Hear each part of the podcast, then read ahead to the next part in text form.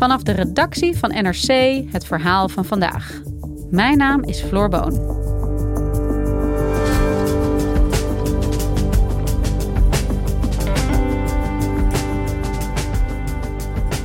In Nederland staan duizenden mensen op de wachtlijst voor sociale huur, bedoeld voor mensen met een smalle beurs. Toch zijn er honderden Nederlanders die sociaal wonen terwijl ze zelf meerdere koophuizen bezitten. Dat ontdekten binnenlandredacteuren Sam de Voogd en Bram Endendijk. Hoe kan dit gebeuren? En kan dit probleem worden aangepakt?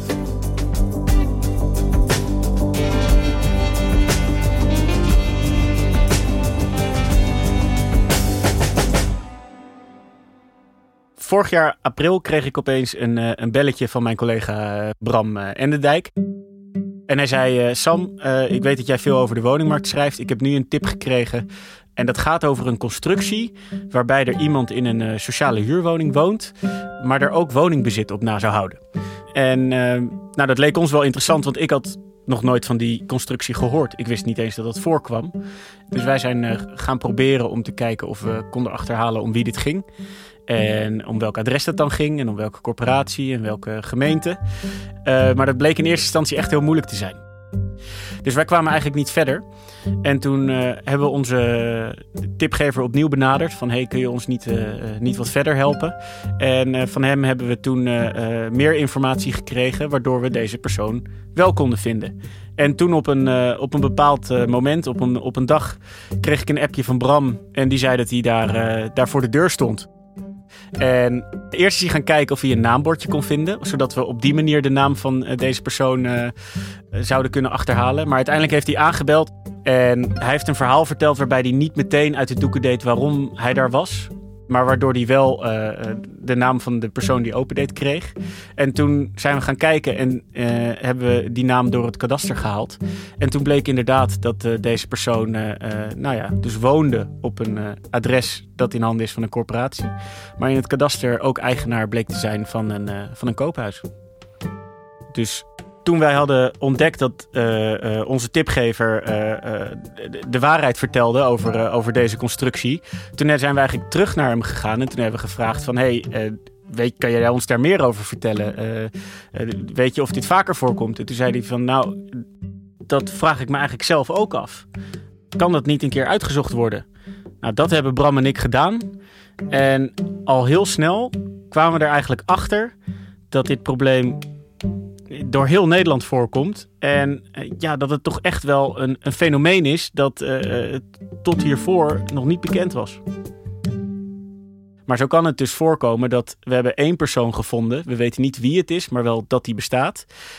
Die in Zuidwest-Friesland, in die gemeente, een sociale huurwoning huurt. En er tegelijkertijd 59 koopwoningen op nahoudt. 59 koopwoningen, dat is ook niet een klein beetje. Nee, dan ben je dus eigenlijk gewoon een, uh, een pandjesbaas. Uh, want uh, we vermoeden dat deze persoon in een aantal complexen meerdere appartementen heeft en verhuurt. Ehm, en doe je jezelf voor als een armlastige huurder die eigenlijk niet genoeg verdient om zijn eigen huis te kunnen financieren. Kun je uitleggen waarom dit zo opvallend is? Waarom heeft jullie dit ertoe gebracht om een groot onderzoek te beginnen ook? Nou, dit uh, uh, kwam op mij meteen als, als iets heel interessants over, omdat je eigenlijk moet kijken naar uh, het, het, hele plaatje van de Nederlandse woningmarkt. Op dit moment is er een groot tekort aan geschikte huizen in Nederland, meer dan 330.000. En een groot deel van het tekort zit ook in de sociale sector. Dat is een, eh, een deel van de woningmarkt die eigenlijk bedoeld is voor mensen die niet zelfstandig een woning kunnen kopen of eentje kunnen huren. En die komen dan dus in de sociale sector bij een corporatie terecht. En die sector is beschermd omdat de huren daar niet hoger mogen zijn dan een bepaalde grens. Dat is nu ongeveer zo'n 728 euro per maand. En uh, vaak als je in zo'n woning zit, kun je ook huurtoeslag krijgen. Dus je wordt eigenlijk geholpen bij het kunnen betalen van je huurwoning. Hoeveel huur, sociale huurwoningen zijn er in Nederland? Welk onderdeel van de markt maakt het ongeveer uit? Nou, je moet ongeveer ervan uitgaan dat er uh, zo'n 33% van de Nederlandse woningmarkt sociale huur is. er zijn zo'n 7,8 miljoen woningen in Nederland. En de corporaties bezitten er daarvan 2,4 miljoen. En het grootste deel daarvan kun je als sociale huur bestempelen. En omdat die sociale sector dus beschermd is, kom je er ook niet zomaar in. Als je daarvoor in aanmerking wil komen, dan moet je eerst kunnen aantonen dat je niet hoger dan een bepaald inkomen hebt. Omdat het dus juist bedoeld is voor de mensen die wat minder verdienen, wordt er daardoor dus door corporaties bij het moment van inschrijven wordt er gekeken naar je inkomen. En als dat onder een bepaalde grens is, mag je je inschrijven. Is dat erboven, dan kom je er eigenlijk niet voor in aanmerking. En het is dus ook niet de bedoeling dat iemand die in een sociale huurwoning woont en van een corporatie huurt, tegelijkertijd ook nog een eigen koopwoning erop nahoudt. Nou, dat zou je inderdaad uh, uh, wel kunnen opwerpen, die vraag. Want als je je een koopwoning kunt veroorloven, ben je dan nog wel zo kwetsbaar dat je in aanmerking ook moet komen voor zo'n sociale huurwoning die daar speciaal voor bedoeld is. Jullie hoorden dat deze man dus niet de enige is. Jullie bron zei ook, er, er is in ieder geval nog één. En dat was een soort trigger uh, voor jullie om verder te gaan zoeken. Wat zijn jullie gaan doen na die eerste tip? Nou, na die eerste tip uh, hadden we al vrij snel door dat we bij het kadaster moesten zijn. Het kadaster heeft alle informatie over woningbezit, over waar woningen staan, van wie die woningen zijn, wanneer ze verkocht zijn of aangekocht zijn, dat soort dingen. Dus we zijn al eigenlijk al vrij snel naar hen toegestapt om te vragen van, hey, kunnen jullie ons hierbij helpen? Uh, dat bleek lastiger dan gedacht. Want in Nederland hebben we strenge privacywetgeving. En je kunt niet zomaar toegang krijgen tot bijvoorbeeld de basisregistratie personen, waarin staat waar alle mensen in Nederland ingeschreven staan. Dat is verplicht voor Nederlanders, dat je je inschrijft op een adres. Uh, maar dan krijgen wij als particulier of zelfs als journalist krijg je daar geen toegang toe. Um, de gemeentes hebben dat wel en het kadaster heeft dat ook, maar die zijn zeer terughoudend in het delen van informatie daaruit. Uh, dus uiteindelijk hebben we een, een, manier kunnen vinden waardoor zij eerst voor ons hebben gekeken naar: oké, welke mensen in Nederland hebben nou twee of meer koopwoningen in bezit, maar wonen daar zelf niet? En vervolgens, waar wonen ze dan wel? En zijn er mensen onder die groep die ingeschreven staan op een adres dat in het bezit is van een woningcorporatie. En waarom hebben jullie gekeken naar mensen die twee of meer woningen bezitten? Ja, dat hebben we expres gedaan, omdat we in gesprek met het kadaster al vrij snel erachter kwamen dat als je ook kijkt naar mensen die één koopwoning in bezit hebben, dat er dan wel wat ruis op de lijn kan ontstaan. Dat kan bijvoorbeeld te maken hebben met dat je in een sociale huurwoning woont en dat je ouders net zijn overleden, dus dat je hun woning erft. Of dat je in een sociale huurwoning woont en je inkomen is verbeterd en daarmee heb je een nieuwbouwwoning kunnen kopen Alleen die wordt nog gebouwd. Dus misschien pas dat je over twee jaar uh, die woning in bezit krijgt. Dat zijn allemaal voorbeelden van waarin je toch in het kadaster kan staan als huizenbezitter. Maar eigenlijk een uh, goede reden hebt om daar nog niet te wonen. En jullie hebben een slimme manier gevonden om al die gegevens eh, bij elkaar te leggen, bij elkaar te krijgen. Wat is daar uitgekomen? Ja, dan krijg je dus een dataset met geanonimiseerde gegevens, maar wel met gegevens die ons konden laten zien hoe vaak dit nou voorkomt. En dan blijkt dat er meer dan duizend mensen, 1055 om precies te zijn, in Nederland zijn die in een sociale huurwoning wonen, of in ieder geval op een corporatieadres. En tegelijkertijd er twee of meer koopwoningen op nahouden. In totaal zelfs 3344. Uh, dus gemiddeld meer dan drie woningen per persoon in deze dataset. 3344 huizen, zeg jij. Je zei eerder dat er in Nederland 2,4 miljoen huizen zijn, uh, corporatiehuizen, sociale huurwoningen. Zo bezien is dat niet zoveel. Of is dit, hoe moet ik dat zien? Nee, je kunt inderdaad zeggen dat als je naar de absolute aantallen kijkt, dat het, uh, dat het niet veel is. Aan de andere kant, er is op dit moment wel echt een ernstig woontekort in Nederland. Er zijn 330.000 geschikte woningen te weinig. Dat betekent niet dat we met 330.000 mensen uh, zitten die op straat slapen, maar dat er dus 330.000 mensen zijn of huishoudens zijn die eigenlijk liever zouden willen verhuizen, maar nergens naartoe kunnen als je dan kijkt naar die 300, uh, 3344 koopwoningen die bezet worden door deze corporatiehuurders, dan is dat 1% van dit tekort wat veroorzaakt wordt eigenlijk door deze constructie.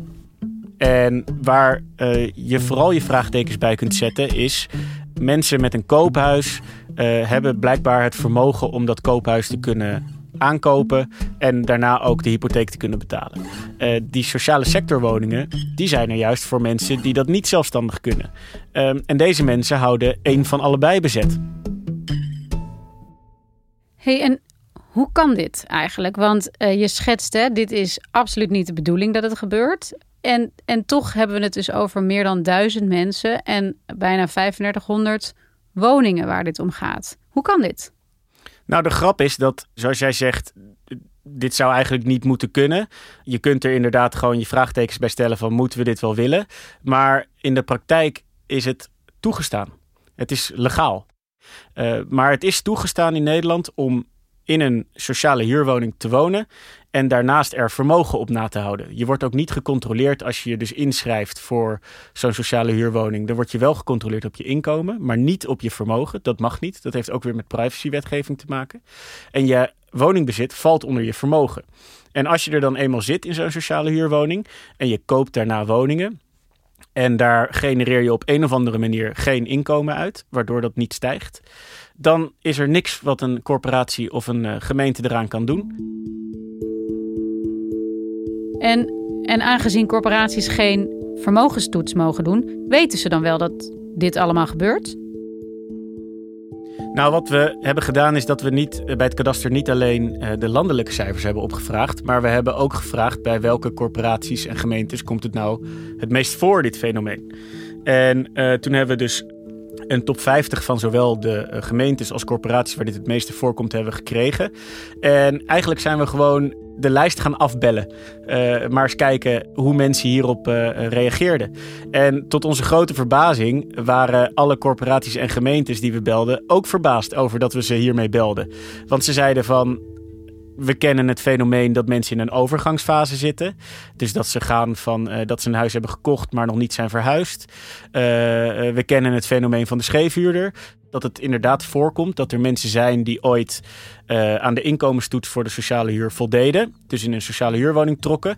En daarna carrière hebben gemaakt. En dus meer zijn gaan verdienen. Of zijn gaan samenwonen, waardoor ze meer zijn gaan verdienen. We kennen het fenomeen van mensen uh, die een, een, woning erven. Maar dat er mensen zijn die doelbewust meerdere woningen in bezit hebben. En toch nog van ons een woning huren. Nou, daar hadden ze echt nog nooit van gehoord. En daar schrokken ze ook heel erg van. Want corporaties zijn er eigenlijk omdat ze een maatschappelijke doelstelling hebben, namelijk de wat minder bedeelden in de samenleving helpen. Want zoals ik eerder al uitlegde, hebben die corporaties een maatschappelijke doelstelling. En die zijn daar dus ook heel bevlogen en betrokken over. En die vinden het dus verschrikkelijk als er misbruik van hun systeem wordt gemaakt. Hey, je zegt net vrijwel alle uh, corporaties reageerden verrast. Waren er dan ook corporaties bij die dit wel al weten en hiervan op de hoogte zijn? Ja, het was goed zoeken, maar we hebben een aantal uh, corporaties en gemeentes gevonden die dit wel al kenden. Bijvoorbeeld een, uh, een corporatie in Tilburg, waarvan de directeur ons wist te vertellen dat een aantal jaar geleden hij ooit een keer een geval had meegemaakt waarbij in het huurhuis een wietplantage werd aangetroffen. En toen ze daar zich in verdiepte, bleek die man die daar woonde, bleek zelf een koopwoning te hebben waar hij dan woonde. En zijn huurhuis gebruikte hij dus als wietplantage. Maar eigenlijk de corporatie die ons er het meest over wist te vertellen, dat was de Amsterdamse corporatie Eigen Haard. En zij zijn sinds eind 2019 echt actief bezig om deze constructie aan te pakken. En zo weten zij dus, waren zij eigenlijk de enige corporatie of gemeente die wij gebeld hebben en die niet verrast waren met de cijfers waarmee wij ze konden confronteren. En eerder zei je van het is legaal, dus kan je daar dan ook wel iets tegen doen als corporatie? Uh, we kwamen in contact met Leendert Intema van hun uh, woonfraudebestrijding afdeling. En de manier waarop zij het uh, aanpakken is dat zij dus eerst het kadaster vraagt van... hey, komt deze persoon eigenlijk in het kadaster voor? het kadaster zegt daar alleen maar ja of nee op. Die geeft verder geen informatie, ook weer gezien de privacywetgeving. En vervolgens moet Eigenhaard dus al het onderzoek zelf gaan doen. Uh, vervolgens moeten we ook kijken van wat heeft die persoon dan op zijn naam? Is het inderdaad een woning of is het een stuk uh, land waarop gebouwd uh, kan worden? Is het een woonboot? Dus dat vergt dan nog wat nader onderzoek.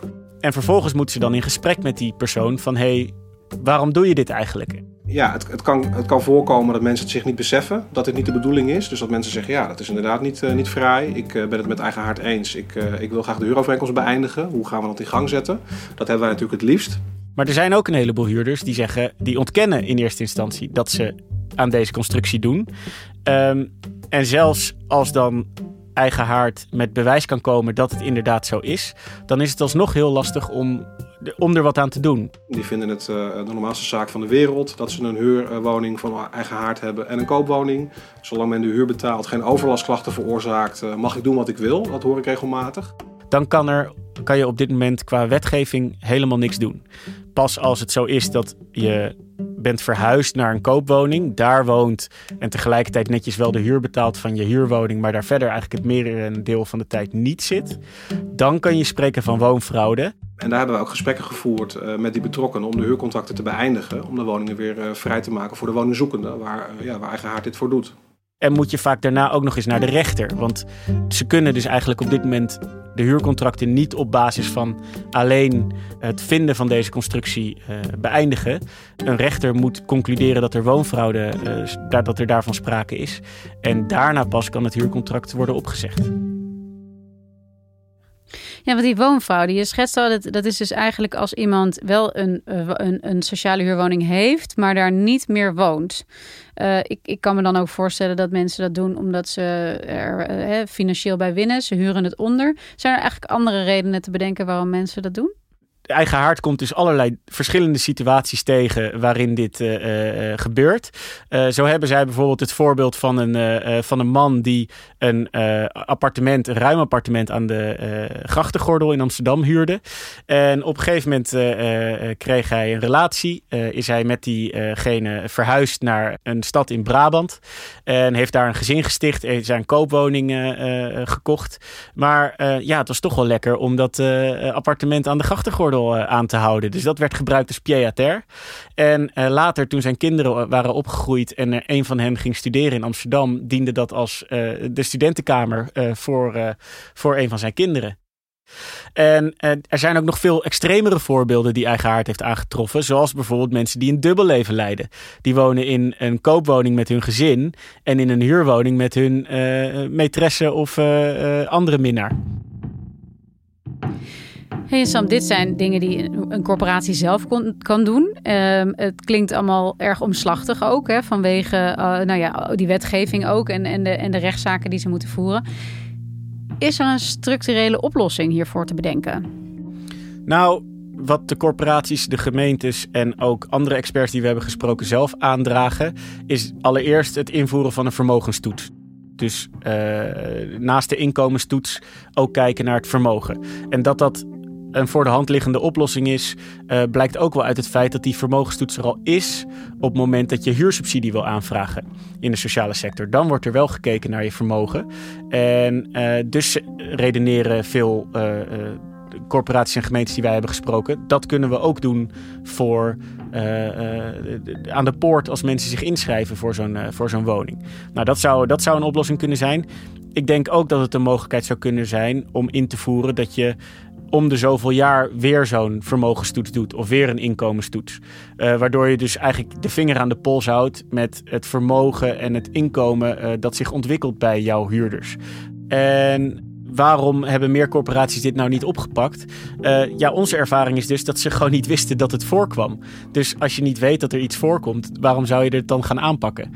Uh, dus uh, ik denk eigenlijk dat we met dit onderzoek kunnen laten zien van hé, hey, dit is een, een fenomeen dat best relatief veel nog voorkomt.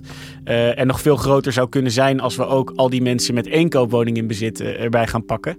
En nou, veel corporaties en gemeentes hebben ook gezegd van we zijn blij dat jullie dat onderzoek hebben gedaan. We zijn ook heel geïnteresseerd in jullie uitkomsten.